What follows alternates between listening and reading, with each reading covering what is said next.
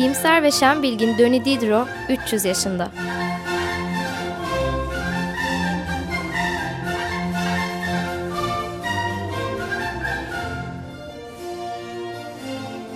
Hazırlayıp sunan Evren Asena.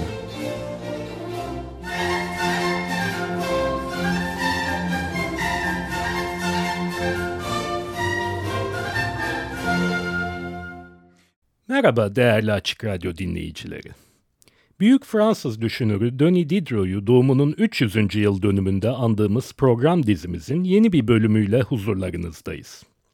Bildiğiniz ya da hatırlayacağınız üzere Denis Diderot'un adım adım takip ettiğimiz yaşam öyküsünü sizlerle paylaşmaya bir süre ara vermiş, önce Diderot'un ansiklopedi için kaleme aldığı bazı maddeleri nakletmiş, ardından da 3 hafta süresince Diderot'un Abe Barthelemy ile ilahiyat üzerine kurgusal diyaloğunu Adnan Cemgil çevirisinden aktarmıştık.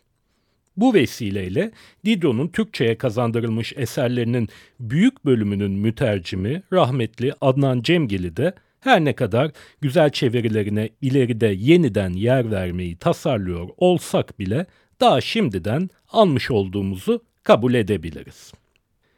Evet, memleketimizin içinde bulunduğu fevkalade durum nedeniyle program takvimimizde yaptığımız bu değişikliklerin ardından tekrar Denis Diderot'un 1744 yılında bırakmış olduğumuz yaşam öyküsüne devam edebiliriz.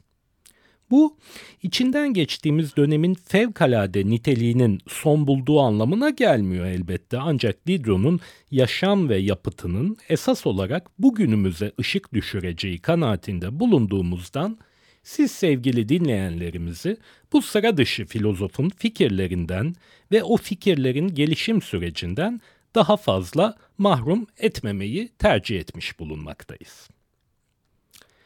Evet, en son Diderot'un 1744 yılı bağrında Shaftesbury'den çevirdiği Liyakat ve Fazilet üzerine deneme başlıklı eserinden söz etmiş ve her ne kadar bu çeviri orijinal metne sadakatte kusur etmiyor da olsa, ihtiva ettiği önemli özgünlükler dolayısıyla Diderot'un ilk yapıtı olarak kabul edildiğini, bu nedenle de toplu eserlerine dahil edildiğini belirtmiştik. 1744 yılında kaleme almıştı Diderot bu tuhafça çeviriyi ve 1745 başında da yayınlanacaktı. Bu esnada Diderot çiftinin yaşayacağı trajik hadiselerden ilki vuku bulacak ve Denis ve Antoinette'in Ağustos ayında doğmuş, hem Denis Diderot'un annesinin hem de büyük kız kardeşinin ismiyle yani Angelique ismiyle vaftiz edilmiş ilk çocukları 6 hafta kadar yaşadıktan sonra hayata gözlerini yumacaktı. Diderot'un dönemdaşlarına mesela o sıralar yakın arkadaşı olan Rousseau'ya kıyasla çağının hayli ilerisinde bulunan müşfik bir baba olduğundan daha önceleri kısaca söz etmiştik. Angelique, Diderot çiftinin kaybedeceği ilk çocuk olmayacaktır maalesef. Devamı gelecek bu kayıpların düşünürümüzün ruhunda bıraktığı izlere ileride tekrar değinebilme ümidindeyiz. 1745 yılına gelmiş bulunuyoruz. Bu tarih hikayemiz açısından önemli bir dönüm noktasını oluşturmakta. Gerçi salt kahramanımız zaviyesinden bakılınca kendisinin bu seneyi salonlarda ve kafelerde bilgi ve görgüsünü arttırarak geçirmekle iktifa ettiği söylense yeridir. 1745 yılı süresince kaybettiği ilk çocuğunun ardından hemen ikinci bir çocuğa hamile kalmış olan Antoinette Diderot, genellikle evde, deyim yerinde ise günlü gün eden Denis Diderot ise kendisini daha o zamandan ileride söz edeceğimiz yeni bir ilişkinin kollarına bırakmış, genellikle salonlardadır.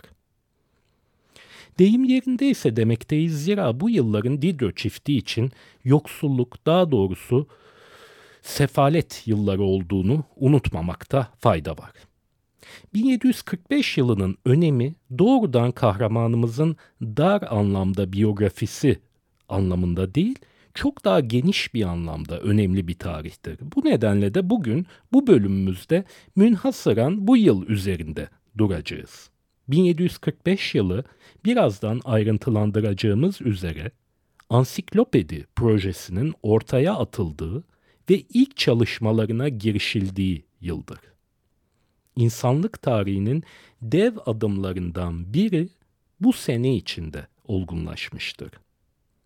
Evet, bugünkü programımızla ansiklopediden konuşmaya başlayacağız. Ancak öncelikle bir tarihsel çerçeveleme ve konumlandırma yapmamızda fayda var. Şöyle diyelim, Ansiklopedi projesine girişildiği 1745 yılı Fransız kültürel ve entelektüel ortamının önemli derecede dönüştüğü, bir tür zihinsel sıçramanın gerçekleştirildiği yıldır. Saraydan başlayalım. 1745 yılı Poisson hanımefendisi olarak anılan bir kadının Madame de Pompadour ismiyle saraya metres olarak kabul edildiği tarihtir. Madame de Pompadour, kısaca belirtelim, aydınlanma çağının çelişkili figürlerinden biri olarak dönemin siyasal ve entelektüel ortamı üzerinde zaman zaman tayin edici rol oynayacak son derece becerikli ve zeki bir insandır.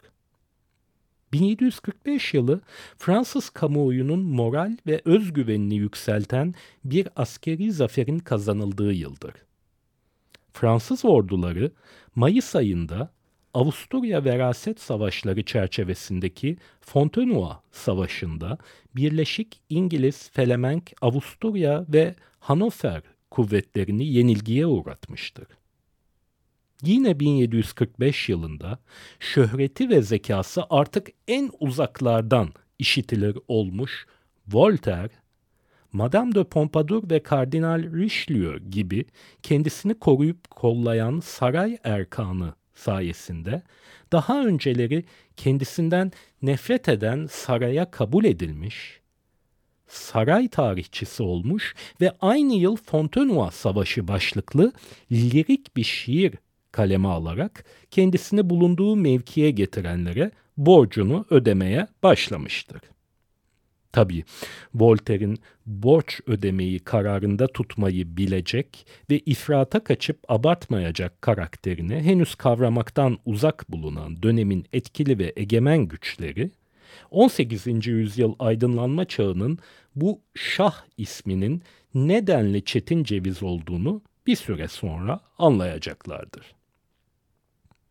Gözlerimizi entelektüel ortama çevirdiğimizde önceki on yıllara damga vuran güç dengesinin nasıl da radikal bir değişim geçirmekte olduğunu görmemek elde değildir. Önceki on yıllara egemen olmuş dini tarikatlar arasındaki mücadeleler yerlerini giderek artan keskinlikte ifadelendirilen dini tahayyül karşıtı eleştirilere bırakmaktadır.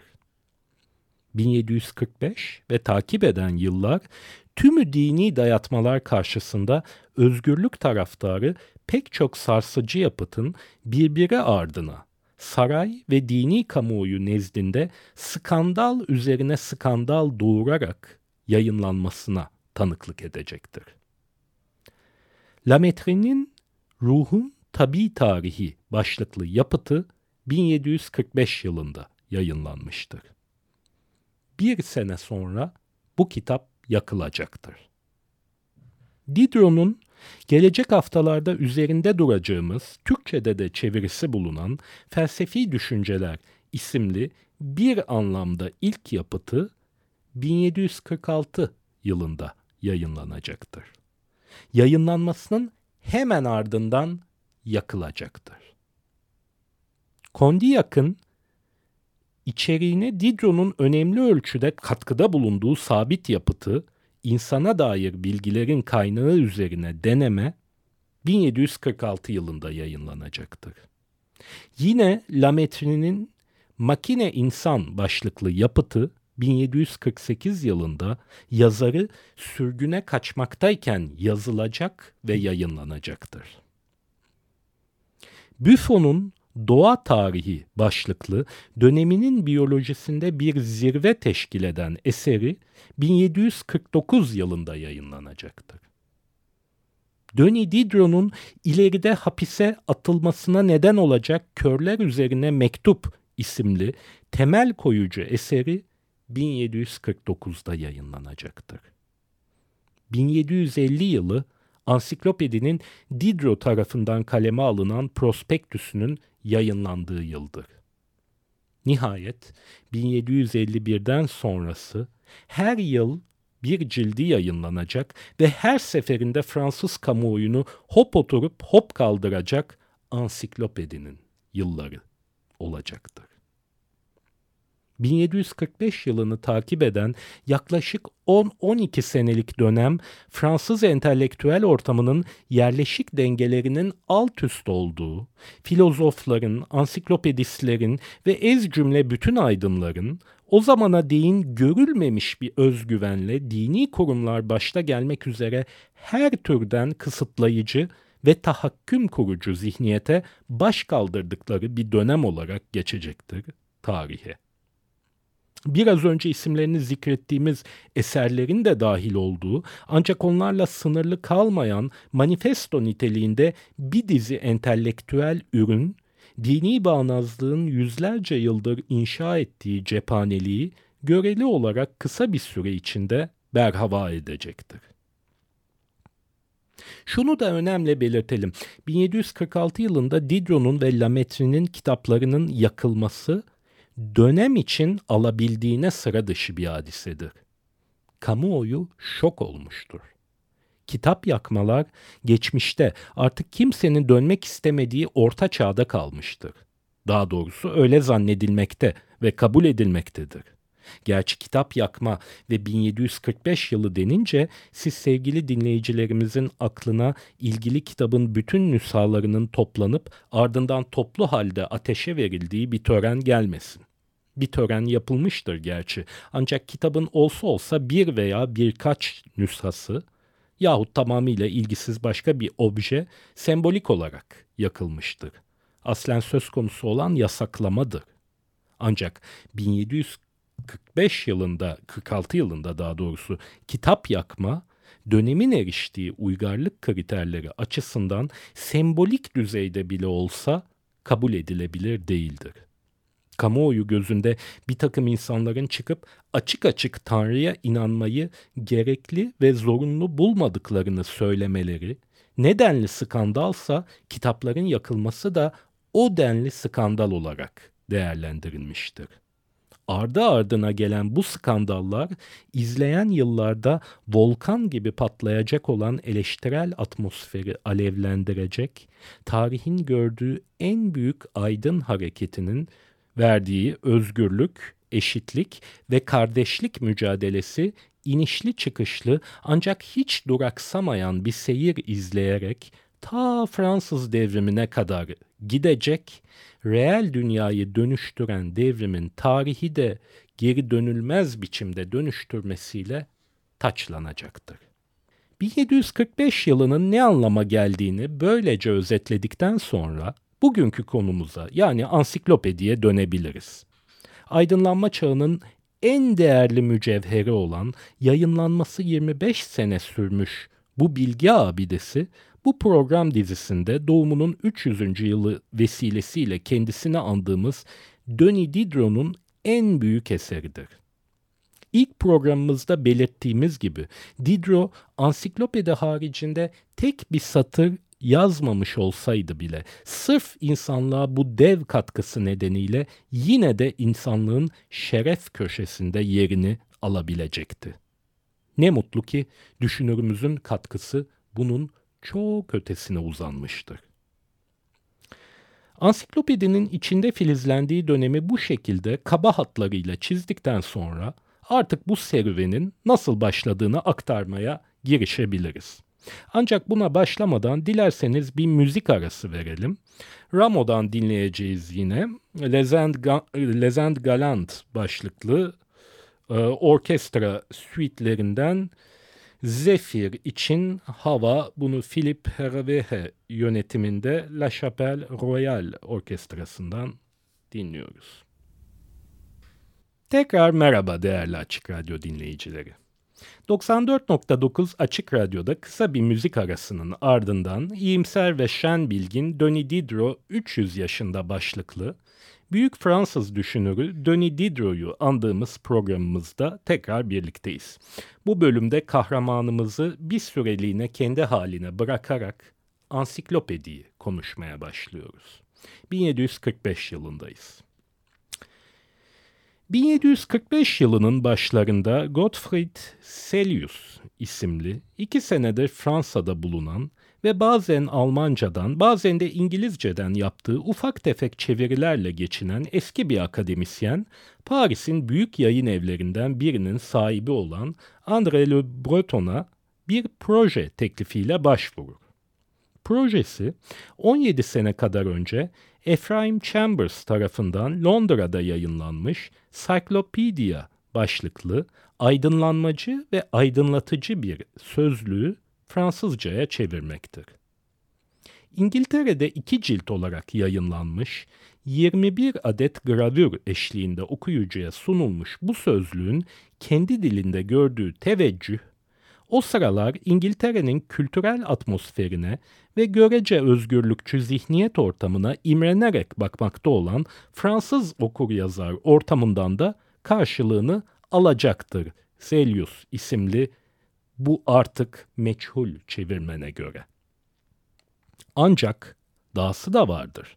Zelius yayıncı Le Breton'dan Le Breton'a John Mills isimli yine Paris'te mukim zengin bir İngiliz'in eserin çeviri ve basın masraflarını finanse edecek krediyi tahsis etmeye gönüllü olduğunu gösterir bir belge ibraz eder büyükçe sayılabilecek bir projenin finansman güçlüğünü hayli hafifletebilecek böylesi bir öneri her kapitalist gibi karlı bir yatırımın kokusunu almış olan Le Breton'un aklına yatar.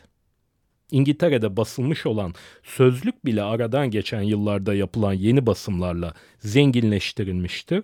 Fransa'da basılacak versiyonu haydi haydi değişiklik ve eklemeler yapmayı gerektirecektir. Tercümenin 5 cilt ve 120 gravürden oluşmasına karar verilir ve Le Breton karşılığını nasıl olsa John Mills isimli bu İngiliz yatırımcıdan tahsil edeceğine olan güvenle hazırlıklara girişir. Öncelikle gerekli olduğu üzere saraydan bir izin belgesi temin etmesi gerekmektedir. Ardından gravürlerin basılacağı özel kağıtları edinmeye, yazı karakterlerinin dökümünü yaptırmaya girişir potansiyel aboneleri tespit edebilmek üzere bir tür eğilim yoklaması da yapar. Ancak bu sırada ana finansör olacağı düşünülen John Mills ortaya çıkar ve kendisini eserin mülkiyeti yani basım sonrası getirisi üzerinde söz sahibi kılacak bir sözleşmeyi kabul etmesini Le Breton'dan ister. Bu bir nevi ahlaksız tekliftir. Zira Fransa'da yayınlanan eserlerin getirilerinin yayın evine ait olacağı yasayla sabittir. Bu yetmezmiş gibi bir süre sonra Mills'in zengin falan olmadığı, Paris'te şubesi bulunan bir İngiliz bankasında sıradan bir çalışan olduğu, vaat ettiği finansmanı karşılayacak bir servetinin de bulunmadığı ortaya çıkar. Paris'in seçkin yayıncısı Le Breton muhtemelen bir dolandırıcının oyuna, oyununa gelmekten zor kurtulmuştur. Le Breton sahtekarlıkla itham ettiği Mills'i bastonuyla döver. Mahkeme de Le Breton'un bastonlu öfkesinin dolandırılmış olmanın meşru bir sonucu olduğuna hükmetmiş olmalı ki kendisine herhangi bir ceza vermez. Ancak hadiseler bu kadarla da kalmayacaktır. Sözlüğü yani Chambers'ın eserini eklerle zenginleştirerek çevirmeyi üstlenmiş olan Zelius'un aradan geçen 8 aya rağmen çeviriye başlamamış olduğu, hatta hatta çevirmesi beklenen kitabın henüz orijinal bir nüshasını bile edinmemiş olduğu ortaya çıkar. Bitmedi. Bu skandal dönüp dolaşarak Danıştay'ın bile ilgi alanına girer ve neticede Le Breton'a saray tarafından tahsis edilmiş olan basım izni iptal edilir. 1745 yılı Ağustos ayında Paris'in meşhur yayıncısı Le Breton, afaki bir proje uğruna yaptığı malzeme ve tanıtım masraflarından kaynaklı kayıplarıyla ortada bir başına kalıvermiştir. Ne yapacaktır bu durumda Le Breton? Kayıpların üzerine bir bardak su içip projeden yüz geri etmeyi uygun bulmaz. Zira basımı önceden finanse edebilecek potansiyel abonelere yönelik sondaj çalışmaları bu tür bilimsel bir sözlüğe kamuoyu ilgisinin yoğun olacağına ikna etmiştir kendisini. Bu durumda Le Breton ortaklık kurmaya karar verir ve üç yayın evi sahibine müracaat eder. Bu yayın evi sahiplerinin de isimlerini sıralayalım burada. Antoine Claude Briasson, Laurent Durand ve Michel-Antoine David. Bunlardan Laurent Durand, Diderot'un bir süre önce çevirdiği tıp sözlüğünü basan yayın evinin sahibidir.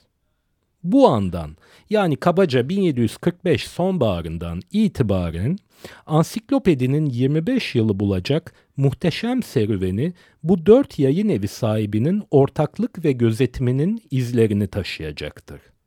Sadece olumlu anlamıyla değil, ileride göreceğimiz gibi olumsuz anlamıyla da. Ortaklık sayesinde finansman güçlüğünü hafifleten, hemen akabinde saraya yeniden başvurarak yeni bir izin belgesi temin etmeyi başaran Le Breton ve arkadaşlarına şimdi bir, hatta birkaç çevirmen gerekmektedir. Aynı yılın Kasım ayında projeyi aydın bir rahip olan Jean-Paul de Guademalva emanet etmeye karar verirler. Guademalve daha önce Berkeley'i Fransızcaya çevirmiş, cebirsel doğrular üzerine bir inceleme yazmış, o sıralar Collège de France'da hocalık yapmakta olan henüz 35 yaşında bir din adamıdır. Ancak proje daha şimdiden büyükçe sayılabilir. Daha da büyüme potansiyeline haizdir. Yani yardımcılar gerekli olacaktır. Bazı kaynaklara göre Guademalve tarafından, bazı kaynaklara göre ise doğrudan yayın evleri Malva yardımcı olacak iki isim daha tespit ederler. Bu isimlerden biri genç bir matematik dahisi olan Jean-Ron d'Alembert'dir. Son derece ilginç bir biçimde soylu, şöhretli ve salon sahibi bir kadının evlilik dışı ilişkisinden dünyaya gelmiş, daha gençlik yıllarından itibaren döneminin harika çocuğu olarak görülmüş olan D'Alembert, büyük bir projenin altına girmek için her türlü krediye doğuştan sahip görünmektedir. Gayrimeşru ve reddedilmiş bir çocuk da olsa soyludur, matematikçidir, dahidir. Peki, çeviri projesine yardımcı olmak üzere düşünülen ikinci isim kimdir?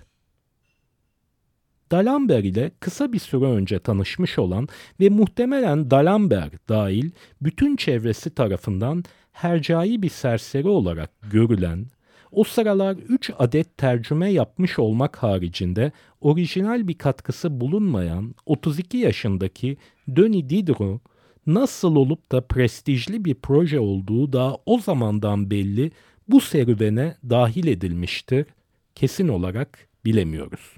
Ancak tarih bir projenin kendisine bu denli uygun bir isimle buluşmasına ender tanıklık etmiştir diyebiliriz. Mevcut bütün bilgileri tek bir çatı altında toplamayı hedefleyen ansiklopedi projesi, mevcut bütün bilgileri kafasında toplamak istercesine yaşamış ve yaşamakta olan Denis Diderot'da en mükemmel cisimlenişini bulacaktır ansiklopedinin insanlığın bu en büyük bilgi abidesinin harcı, ufku ansiklopedik sıfatını sonuna dek hak eden bir dahi tarafından karılacaktır. Önümüzdeki hafta bu serüvenin devamında buluşmak dileğiyle hepinize sağlıklı ve mutlu bir hafta dilerim değerli Açık Radyo dinleyicileri. Hoşçakalın.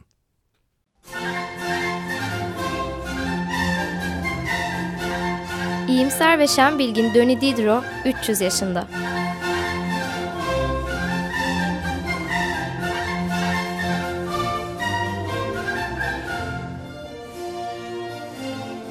Hazırlayıp sunan Evren Asena.